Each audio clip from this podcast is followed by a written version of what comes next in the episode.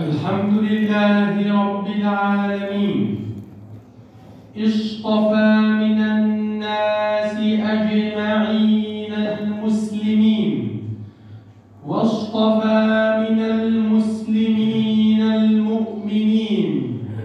واصطفى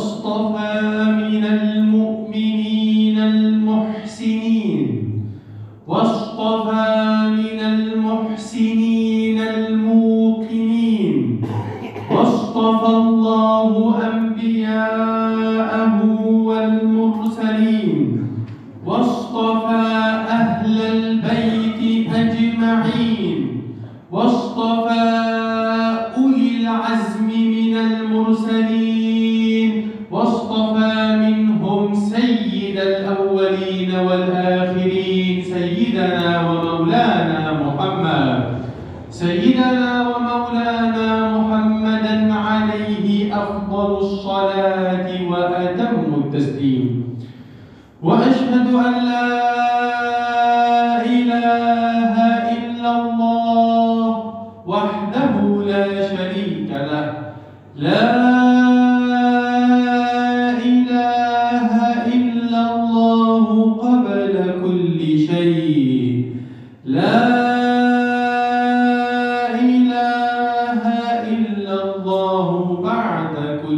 شيء. لا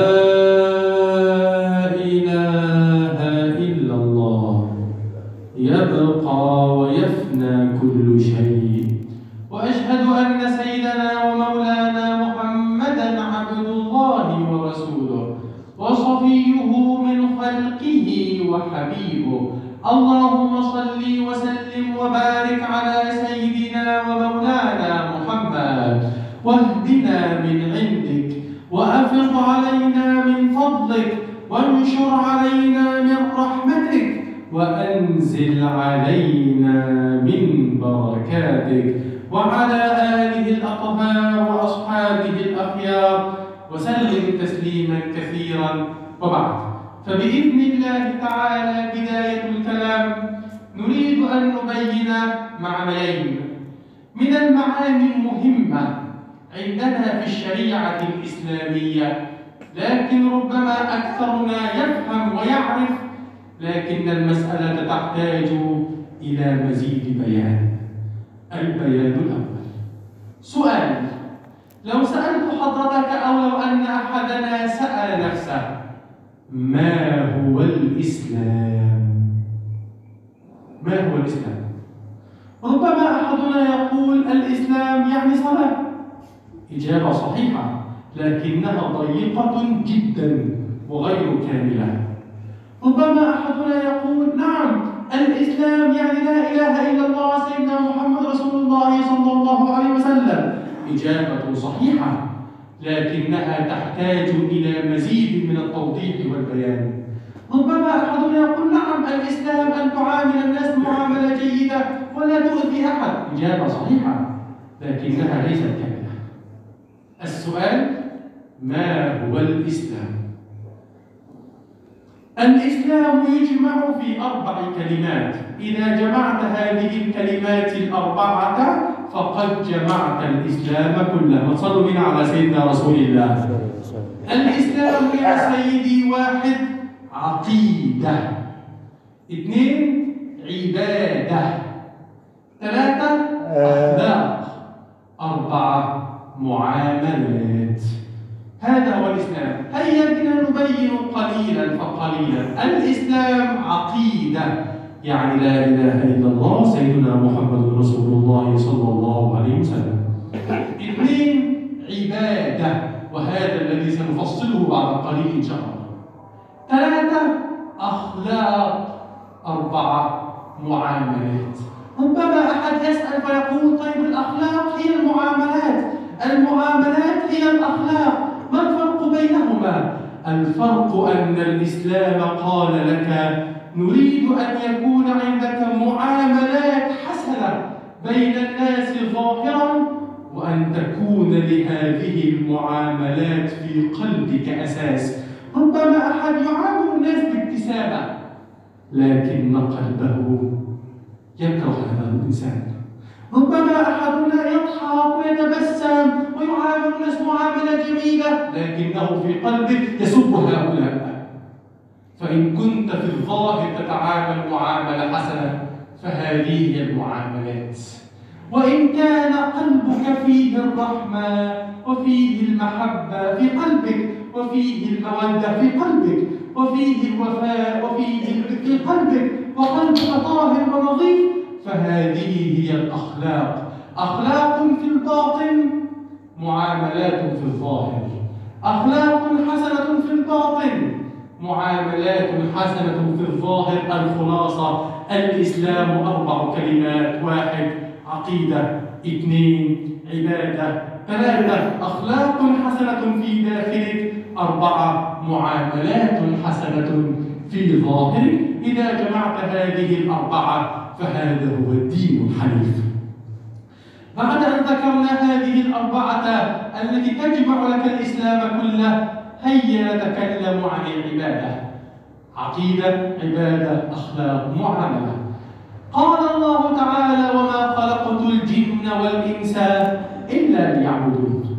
كان سؤالنا الأول ما هو الإسلام؟ وعرفنا الإسلام بأركانه الأربعة. السؤال الثاني من هي العبادة؟ قال الله وما خلقت الجن والإنس إلا ليعبدوا من هي العبادة؟ ربما أحدنا يجيب فيقول نعم العبادة صلاة. يا سيدي هذه إجابة صحيحة لكنها ناقصة وضيقة جدا.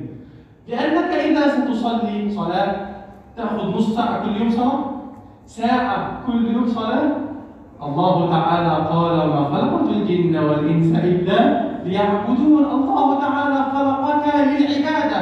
ثم أنت تجعل العبادة ساعة واحدة فقط. ربما أحد يقول نعم. معنى كلمة العبادة يعني الصيام. الصيام يا سيدي رمضان 30 يوم كل سنة.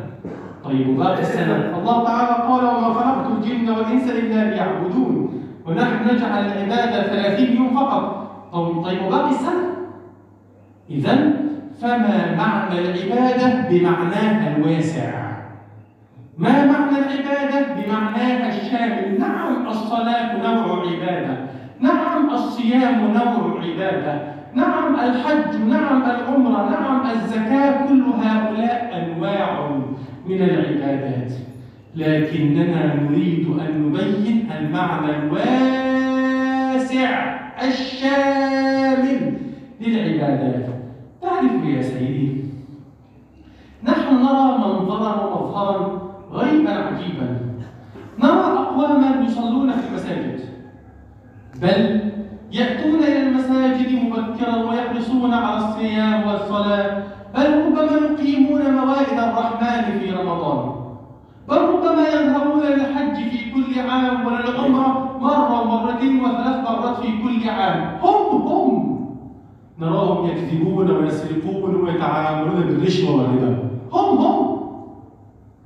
هم هم من هنا كان في الحج ثم يأتي يتعامل بالرشوة والربا طيب أين المشكلة؟ المشكلة أنه لم يفهم ولم يدرك ما معنى كلمة عبادة. هو يتوهم ويظن أنه هكذا عابد لله يا عم صليت يا عم أنا كنت جاي من الحج. خلينا بقى نشوف اللي ورانا يا سيدي أنت تريد بيانا لمعنى كلمة العبادة. قال الله تعالى وما خلقت الجن والإنس إلا ليعبدون بمعنى أنك مطالب للصلة بالله تعالى في كل نفس من أنفاسك وفي كل ثانية من ثواني حياتك طول عمرك. في كل نفس وفي كل ثانية. لا أقول أنت مطالب بالصلاة في كل ثانية لكن أنت مطالب بالعبادة بمعناها الواسع لم أفهم ماذا تقول. إذا أخبرني ما هي العبادة بمعناها الواسع؟ ليس أنا الذي سأخبرك. إنه قول رسول الله صلى الله عليه وآله وصحبه وسلم القائل الإيمان وصلوا بنا على سيدنا رسول الله. الإيمان بضع وسبعون شعبة. الإيمان بضع وسبعون شعبة. شعبة يعني خلق يعني فرع. بضع وسبعون شعبة أعلاها أعلى حاجة في الإيمان لا إله إلا الله. وأدناها إماطة الأذى عن الطريق. إماطة الأذى عن الطريق هي تنظيف الطريق. والحياة شعبة من الإيمان. صدق رسول الله صلى الله عليه وسلم. ما الشاهد في الحديث؟ الشاهد أن النبي صلى الله عليه وسلم قسم الإيمان إلى قسمين. تنبه معي القسم الأول في الإيمان هو لا إله إلا الله. يعني صلاة وزكاة وصيام وحج وعمرة. هذا القسم الأول في الإيمان الذي هو النسك يعني إيه نسك؟ يعني صلاة وزكاة وصيام وحج وعمرة نسك ده الجزء الأول من الإيمان. طيب الجزء الثاني من الإيمان إماطة الأذى عن الطريق عن العمل.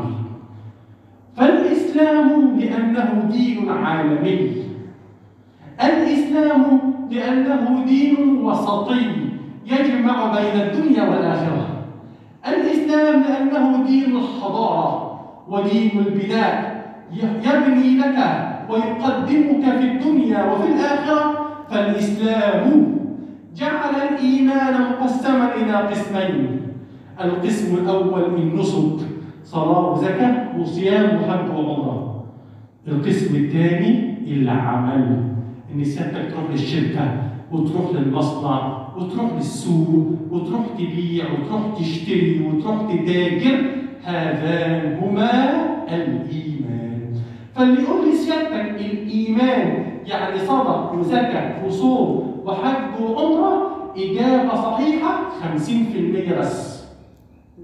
واللي يقول لي سيادتك الإيمان. يعني أعمل وأشتغل إجابة صحيحة 50% بس واللي يقول لي سيادتك الإيمان يعني صلاة وصوم وزكاة وحج وعمرة وعمل واجتهاد في العمل فهذه إجابة صحيحة مئة من مئة. قال صلى الله عليه وسلم الإيمان بضع وسبعون شعبة على لا إله إلا الله وأدناها إماطة الأذى.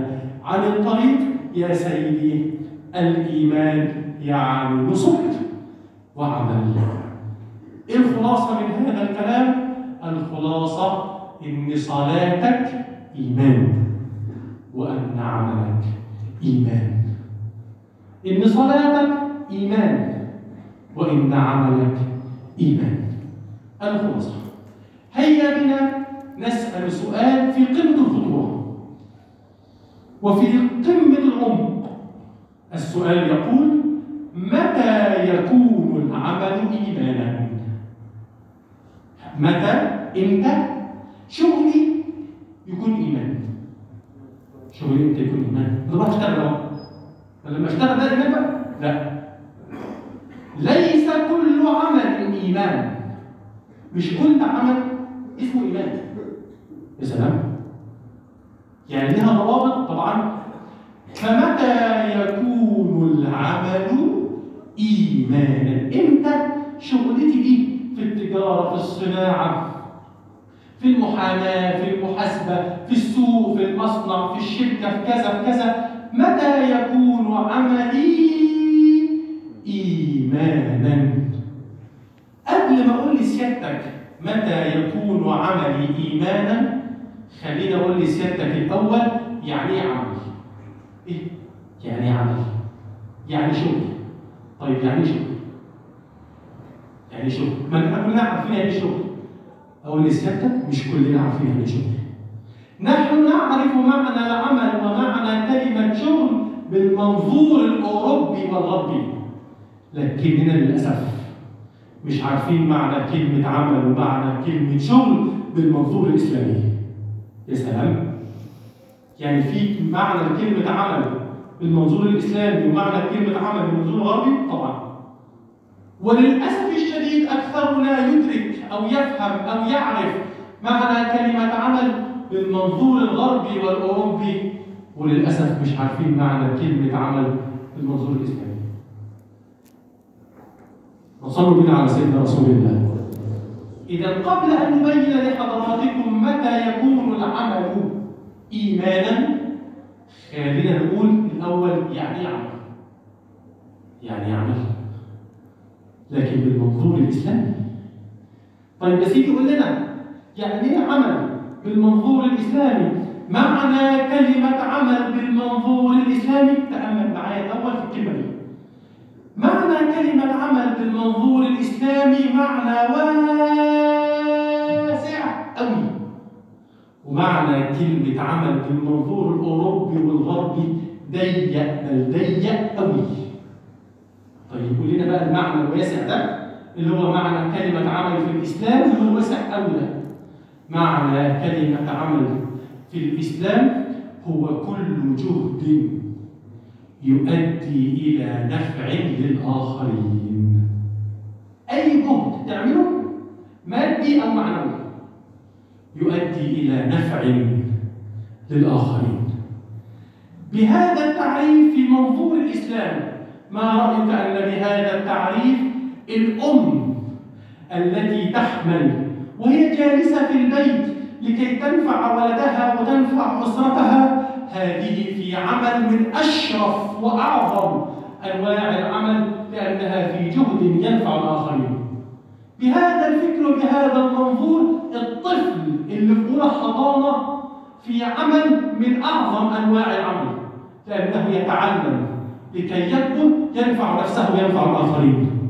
بهذا المنظور الأب أو الجد اللي قاعد في البيت ومجمع الأولاد والأحفاد والأطفال اللي في العيلة وبيقول لهم حدوتة عشان بالحدوتة دي يطلع لهم عبرة يعلمهم بيها.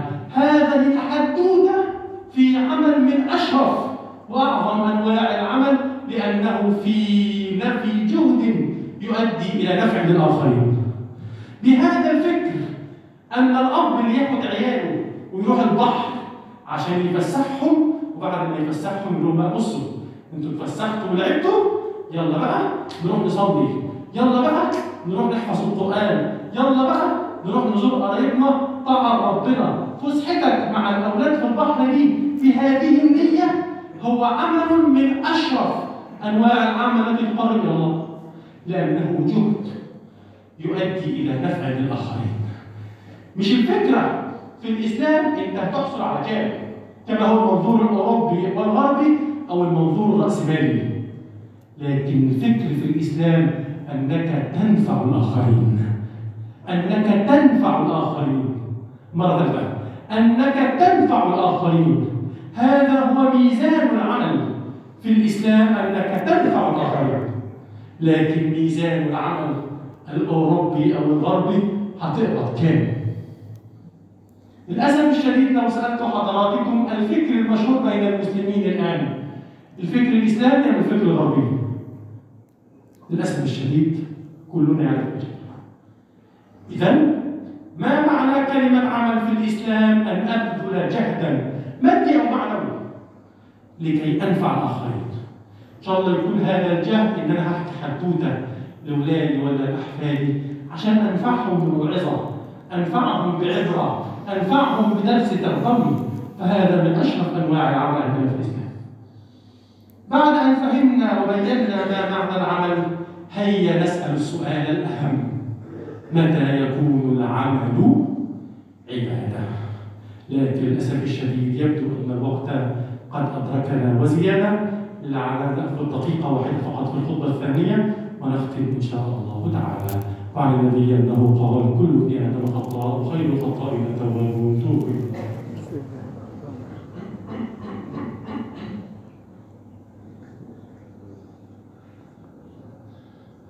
الحمد لله رب العالمين وأشهد أن لا إله إلا الله وحده لا شريك له. وأشهد أن سيدنا محمدا عبده ورسوله. اللهم صل على سيدنا محمد وآله وسلم. وأعطنا الخير وادفع عنا الشر ونجنا واشفنا يا رب العالمين. وبعد متى يكون العمل عبادة؟ العمل يا سيدي يكون في يكون عبادة لو توفر في شرطين. ممكن تصلي على سيدنا رسول الله. هي هي واحدة بس واخر الصلاة. الشرط الأول نية التقرب من الله. إنما الأعمال بالنيات. بمعنى إن أنا وأنا طالع الصبح قايل بسم الله الرحمن الرحيم توكلت على الله على الشركة بتاعتي ولا على المصنع بتاعي ولا على المكتب بتاعي أنوي أنني بعملي ده أتقرب من ربنا سبحانه وتعالى. بمعنى إن الطالب اللي في حضانه ولا ابتدائي ولا إعدادي ولا ثانوي ولا جامعة قايل بسم الله الرحمن الرحيم توكلت على الله إلى الكلية أو إلى المدرسة؟ ينوي أنه يتقرب إلى الله سبحانه وتعالى. بمعنى إن الأب اللي قاعد يلاعب أولاده في البيت ينوي أنه بهذا يرعى أسرته. تقربا من الله تعالى قال صلى الله عليه وسلم كلكم راع وكلكم مسؤول عن رعيته. بمعنى إن الأم اللي قايمه تخش المطبخ تعمل بيضتين وتسلق كيلو لبن تنوي أنها بهذا العمل تتقرب إلى الله سبحانه وتعالى برعايتها لأسرتها. شوف الإسلام خلى المنظور واسع قد إيه للعبادة. خلى حتى الأم اللي بتاكل الكيلو لبن في المطبخ هذا تقرب من الله وله عبادة. شوف الإسلام خلى المنظور واسع إزاي؟ ولكن أين النية؟ أين نية التقرب من الله تعالى؟ متى يكون العمل عبادة؟ بشرطين الشرط الأول نية التقرب من الله. الشرط الثاني النفع لعباد الله. إن عمل ده ينفع الناس. فإن كان هناك نية التقرب من الله نفع لعباد الله ساعتها يبقى عملي ده حقيقة عبادة لكن نيتي إن أنا أحصل الفلوس وبس يبقى العمل ده مش عبادة فين العبادة؟ فين النية؟ نيتي أن أحصل على الشهادة لكي أكون أفضل من أهلي وأفضل من ابن عمي وأفضل من الجيران واسمي في التلفزيون يبقى دي يا ابني مش عبادة مش لله ده لنفسك وللشهره نيتي إن أنا آخد بعثة وأسافر أوروبا وأكون من أشهر الناس في العالم. يبقى مش عبادة. كويس انوي كل النيات دي بس الأول انوي التقرب من الله. الأول آخر كلمة في الخطبة هيا نراجع نياتنا في كل حياتنا. نخلي كل خطوة من خطوات حياتنا لها نية تقرب من الله. نخلي كل خطوة إن شاء الله أو نعمل كوباية شاي لنفسي ولأهل بيتي بنية صالحة. هذه النية الصالحة تقلب العادة إلى عبادة. طبعا الوقت قد أدركنا نسأل الله سبحانه وتعالى أن يعلمنا وإياكم من علوم رسول الله صلى الله عليه وسلم وأن يقيمنا وإياكم على سنة رسول الله وأن يرزقنا وإياكم حسن الاقتداء والاهتداء بسيدنا ومولانا رسول الله صلى الله عليه وسلم. اللهم اغفر ذنوبنا واستر عيوبنا واشرح صدورنا وفرج كروبنا ووسع أرزاقنا وأخلاقنا واختم بالصالحات أعمالنا. واملأ قلوبنا أمنا وإيمانا ونورا ويقينا وتثبيتا يا رب العالمين واجعل آخر كلامنا من الدنيا